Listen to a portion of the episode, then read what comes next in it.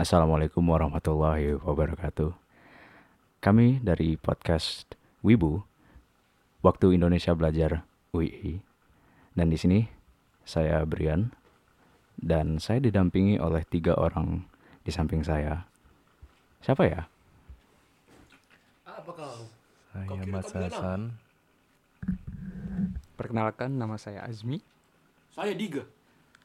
Dan di sini saya, wah, kami akan menjelaskan, membahas tentang soft diplomasi oleh Jepang.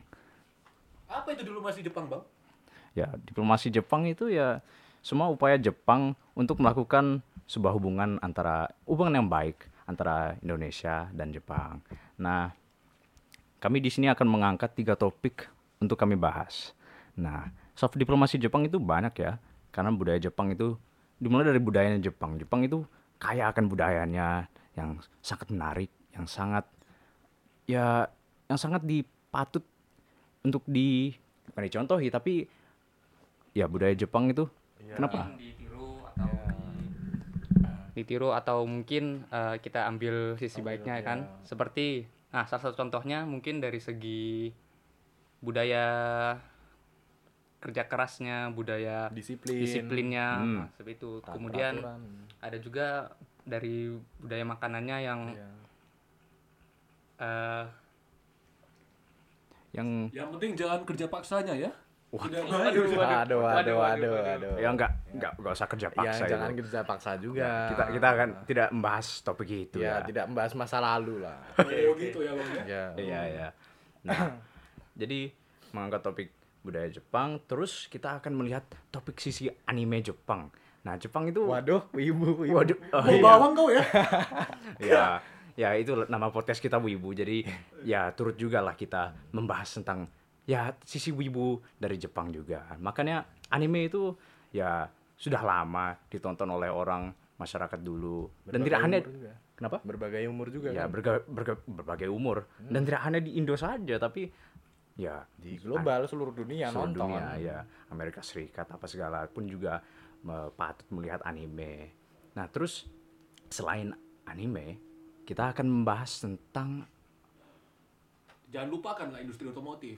nah Kata mau kereta kau itu kan. Yamaha, Honda kan. iya betul Iya, betul. Nah Jepang.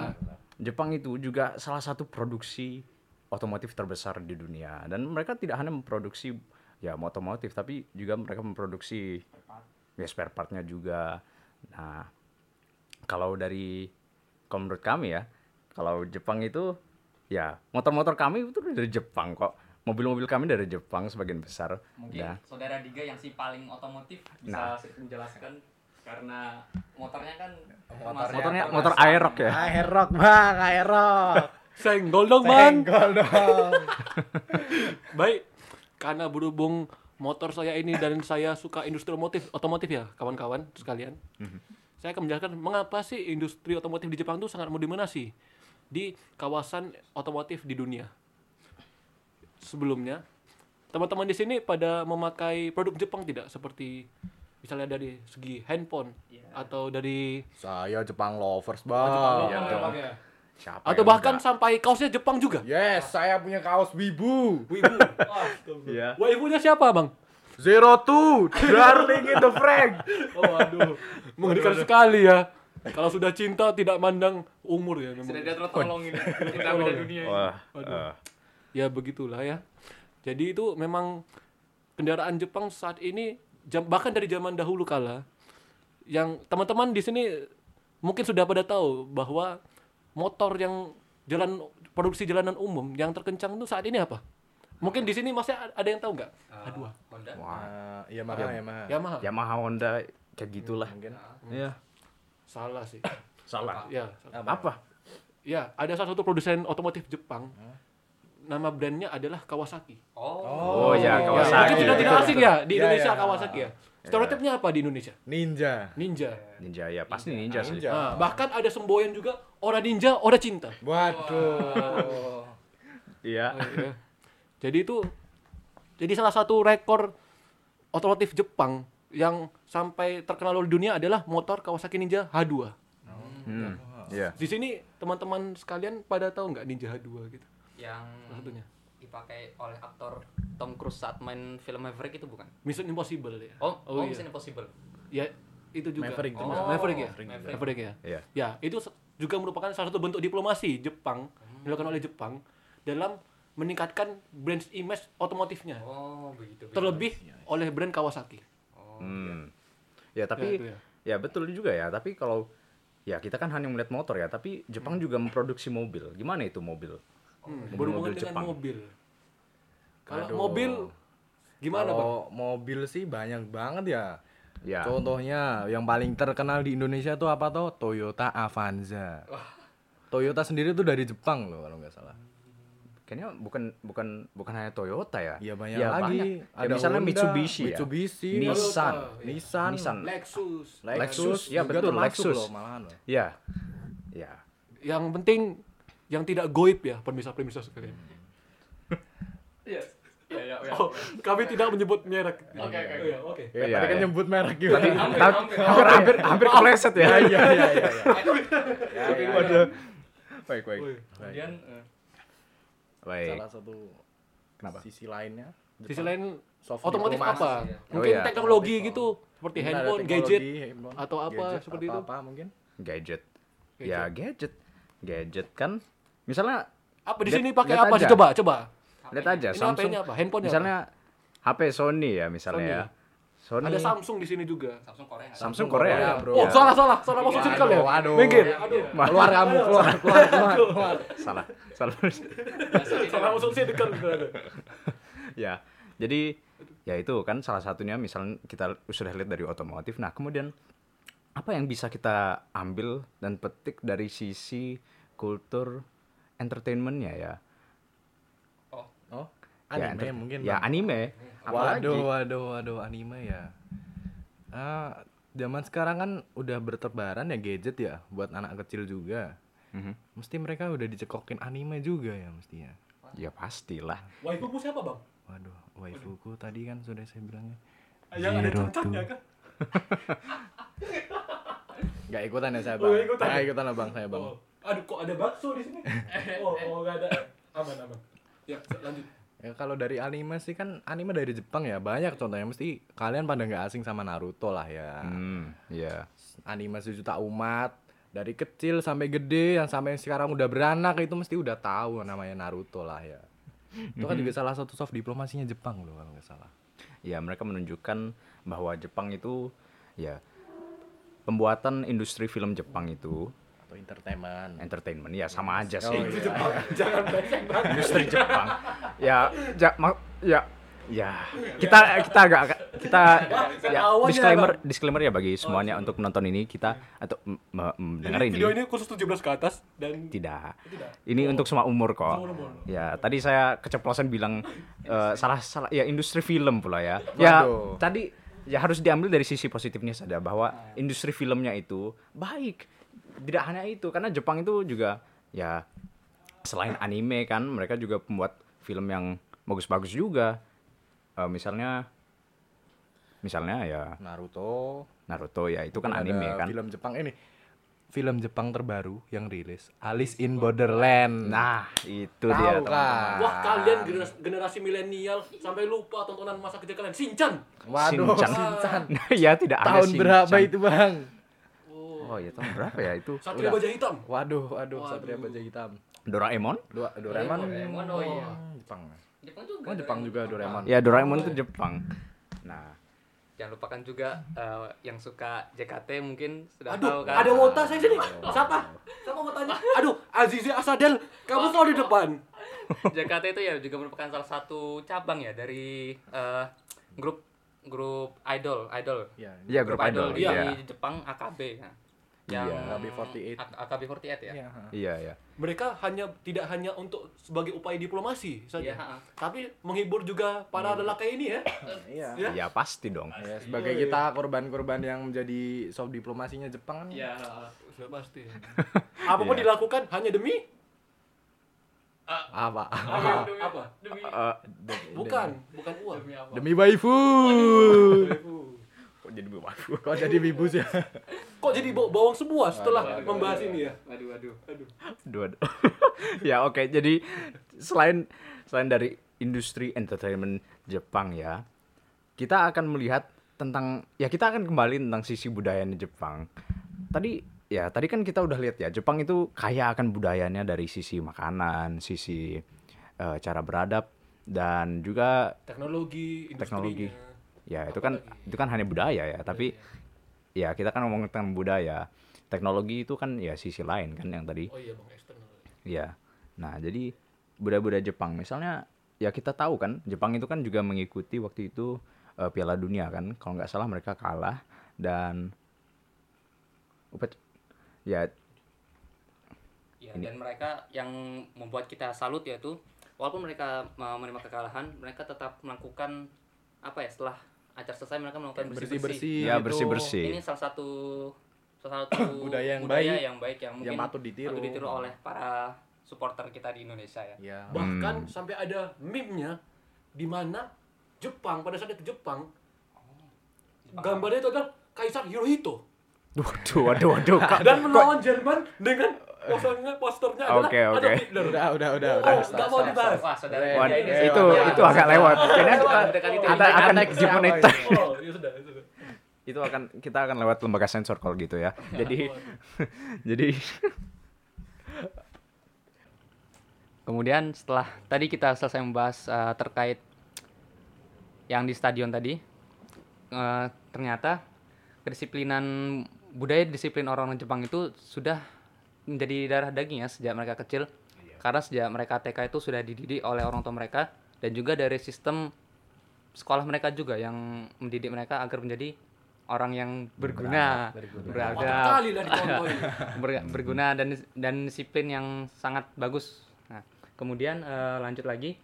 Selain budaya disiplin yang Jepang yang bagus, kemudian ada juga budaya minum teh Jepang yang lumayan menarik nih. Tehnya apa? Teh apa itu? teh Ah, apa teh teh Salah satu dandang, teh wah, tidak. Teh melati, Wah, itu ya itu itu itu juga enak. Tapi ya teh Jepang yang variannya yang lumayan terkenal di Sanro dunia termasuk Indonesia yaitu teh matcha. Mungkin kan sudah tahu kan teh matcha kan? Teh matcha atau Aduh, anti diabetes saya ini. Wah, tidak teh maca. Teh maca ini termasuk salah satu teh yang apa ya? Sifatnya dia agak pahit. Jadi ya mungkin eh, hanya kalangan tertentu saja yang suka, tapi eh, sa- zaman sekarang teh maca ini mudah ditemui di tiap varian minuman, ya kan? di properti sehatnya enggak? Wah, kok teh maca kan jelas. Dia kan dia tumbuhan kan ya otomatis ya, tumbuhan kan halal. Jadi aman-aman saja untuk kita konsumsi. Yang penting nggak ada ambasadornya kan. Wah. apa itu? Aduh. Nah, kemudian budaya Jepang lainnya yang menarik yaitu budaya workaholic mereka. Budaya workaholic, workaholic, workaholic yaitu budaya eh, gila kerja. Mabuk kerja gitu. Bukan, ya, ya dia bisa dibilang mabuk kerja. Berbanding terbalik Tapi- ya negara adiksi seperti kerja sidang kerja. Nah, Iya. yang kita ambil dari sisi positif dari ini yaitu kita jangan suka bermalas-malasan. Nah, Nah, kita harus eh, harus gimana Contohnya ya? yang mana di bang? Negara mana bang? Negara ah, seperti negara yang suka rebahan sih. Wakanda. Oh. ya kita harus giat serius uh, mencari nafkah untuk keluarga atau yang belum berkeluarga ya cari cuan buat pelaminan waduh pelaminan calonnya siapa bang wah, emang, emang? wah, ya ada lah yang penting abis nikah kan nggak jualan pop es kan ya? waduh waduh waduh waduh di mana itu? waduh Wakanda ya. mana tuh ya? Sebelah mana itu?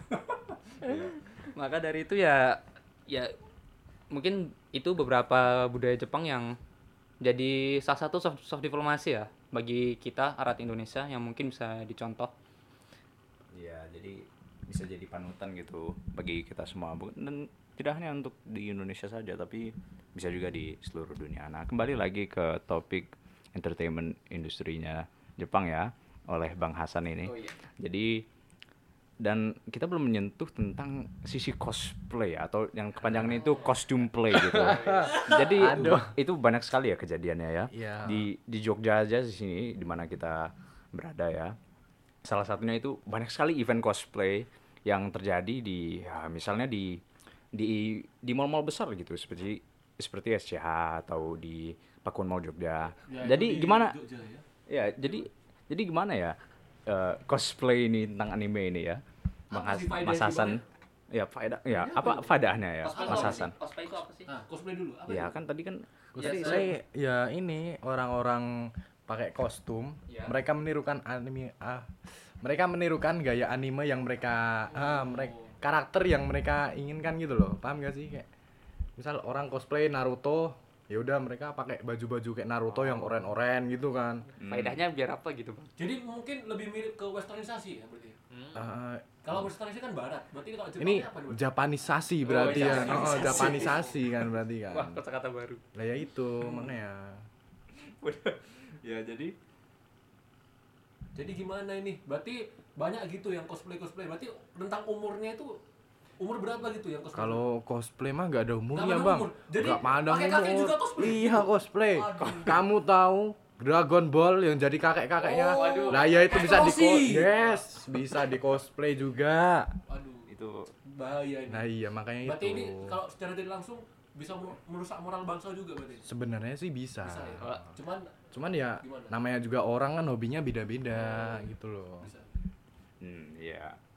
Jadi dari sisi cosplay Jepang ini, jadi Kenapa ini ketawa ini? ya saya, saya pikir cosplay itu agak lucu ya. Ngomong, gitu ya. jangan, Karena jangan. saya saya barusan saja dari SCH waktu itu saya Nanti kita diserbu komunitas wibu Indonesia gimana? Oh nih? iya, maaf maaf Jangan, maaf. jangan, jangan. Saya di sini eh, secara formal mohon maaf kepada kalian semua. Jadi dari sisi entertainment Jepang itu, dari sisi anime itu kan jadi membuat eh, masalah cosplay juga. Jadi orang-orang ya tidak hanya dari orang-orang dari Indonesia saja, tapi orang di luar juga bisa dilihat suka cosplay. Kita bisa lihat dari Instagram atau Twitter itu. Nah, Oh ya di, dari yang apa entertainment Jepang sendiri itu nggak cuman cosplay doang sama anime doang loh. Tapi kan banyak yang nonton bukan nonton sih, kayak lebih baca ke manga, komik, terus ada game, ada J-popnya juga kan. oh iya Nah, J-pop itu. ya. Oh ya, BTW ada yang tahu nggak anime budaya anime ini ada di Indonesia pada tahun berapa tuh? Sejak Kurang nyimak sih, Bang. Aduh, aduh, ini agak-agak belajar sejarah dikit ya. apa sejak Jepang menjajah Indonesia? Enggak agak selama itu juga. Aduh. Dari di Indonesia tuh udah ada anime sejak awal tahun 1980-an Oh. Hmm. dan hingga awal tahun 2000-an. Berarti setelah terjadinya bom itu kan.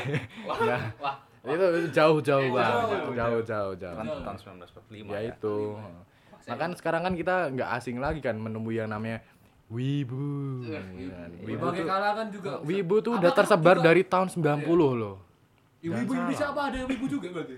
Ada. Ada ya? Ada, Berarti pasti ada. ibu-ibu Indonesia yang wibu lebih bahaya dari menyalakan sen kiri tapi tidak bela. Wah, ya itu itu udah raja jalanan ditambah Wibu lagi. wibu. Udah terlalu opi ya. Iya. Kemudian eh, mungkin sedikit bahas juga seputar perkembangan teknologi juga ya.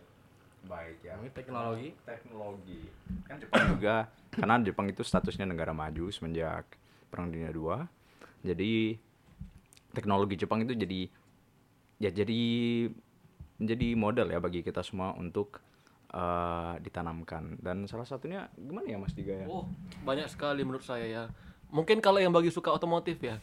Kan ada ini namanya event ya. Saya sebut merek juga nggak apa-apa. Black Auto Battle gitu atau Black Auto Contest gitu. Itu kan modifikasi mobil ya. Sebenarnya itu bukan hanya sekedar hobi. Sebenarnya bukan hanya mobil itu dianggap hanya sebagai alat transportasi dari, titik A ke B.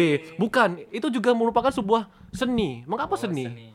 Ya, itu adalah mahakarya. Ya, Dari para engineer. engineer bukan hanya mesinnya saja. Dari dari part-partnya juga. Itu sebenarnya bisa dimodifikasi itu itu merupakan suatu karya yang patut diapresiasi apresiasi. Apresiasi. Ya betul betul. betul. ya ya Iya. ya begitu. Jadi di Jepang sendiri sudah banyak ya. Dari zaman dulu kala tahun 90-an juga udah banyak itu yang melakukan modif-modif terus dikonteskan gitu. Dan juga berpulang menghasilkan cuan siapa sih yang nggak mau balik model atau menghasilkan uang dari hanya hobi iseng seperti modif-modif mobil atau ini bagi golongan yang mampu mungkin ya ya? Iya. karena tidak semua juga baik Ya, pasti pasti kalau udah dapat untungnya ya pasti Iya. lagi modifnya modif Jadi- mobil lain lagi ya modifnya lebih mahal jadi atau modif Indonesia lain itu lagi kiblat Iya. ya Tapi kan penikmatnya kan bukan hanya kalangan atas saja kan. iya sih. yang pasti mungkin juga dari bagi yang ya. ingin mobil idamannya apa gitu tiba-tiba lihat ada pameran kontes, kontes mobil kan juga menjadi inspirasi juga Jadi jadi termotivasi. termotivasi mencari uang untuk menumbuhkan devisa negara lain. Kenapa Iya, negara betul lain ya? Aduh. Emang nggak ada nih negara Indonesia sendiri yang mau produksi mobil gitu. Kira-kira ada nggak? ada sih Ada ya?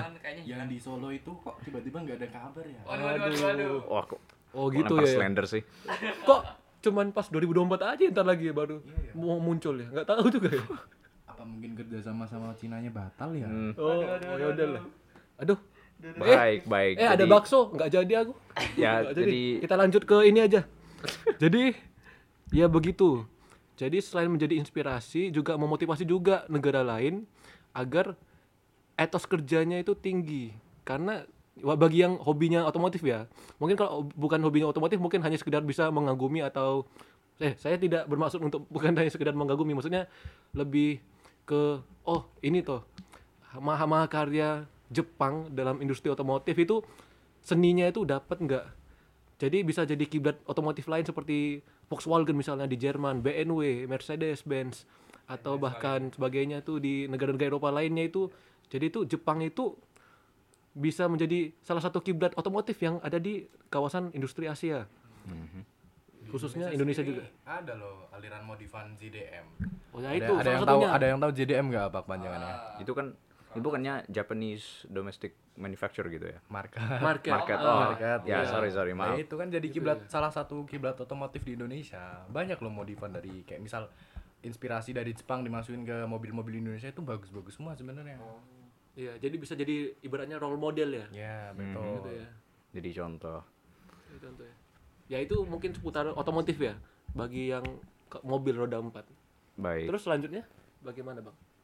ya kayaknya ya kan kita udah bisa lihat bahwa industri Jepang itu ya bisa tidak hanya dari hard powernya Jepang ya. Jadi dari sisi teknologi Jepang dari budaya Jepang dari dari kultur Jepang dari industri entertainment Jepang kita bisa lihat bahwa Jepang itu punya kekuatan soft power ya untuk membangun sebuah pencitraan besar terhadap negara-negara lain dan untuk menjadikan sebuah contoh bagi negara lain untuk diikuti. Nah, maka dari itu kita sebagai orang-orang Indonesia ya pasti juga suka dengan produk-produk Jepang. Jadi maka dari itu soft power Jepang itu sangat tinggi, terutama di daerah-daerah ka- kawasan Asia Tenggara atau atau Asia ya tidak hanya Asia Timur tapi secara keseluruhan di Asia di Asia sendiri. Jadi ya gitu. Baik, cukup sekian dari podcast kecil kami. Eh, basi-basa basa-basi dari kami ya mohon maaf apabila ada kekurangan kata dan terima kasih atas perhatian kalian semua. Dan ada kata-kata terakhir buat buat dari Eh, ini anak senjanya ada nih. Waduh, waduh. Hmm, apa Hidup kesepian tanpa kekasih. Cukup sekian dan terima kasih. waduh, oke.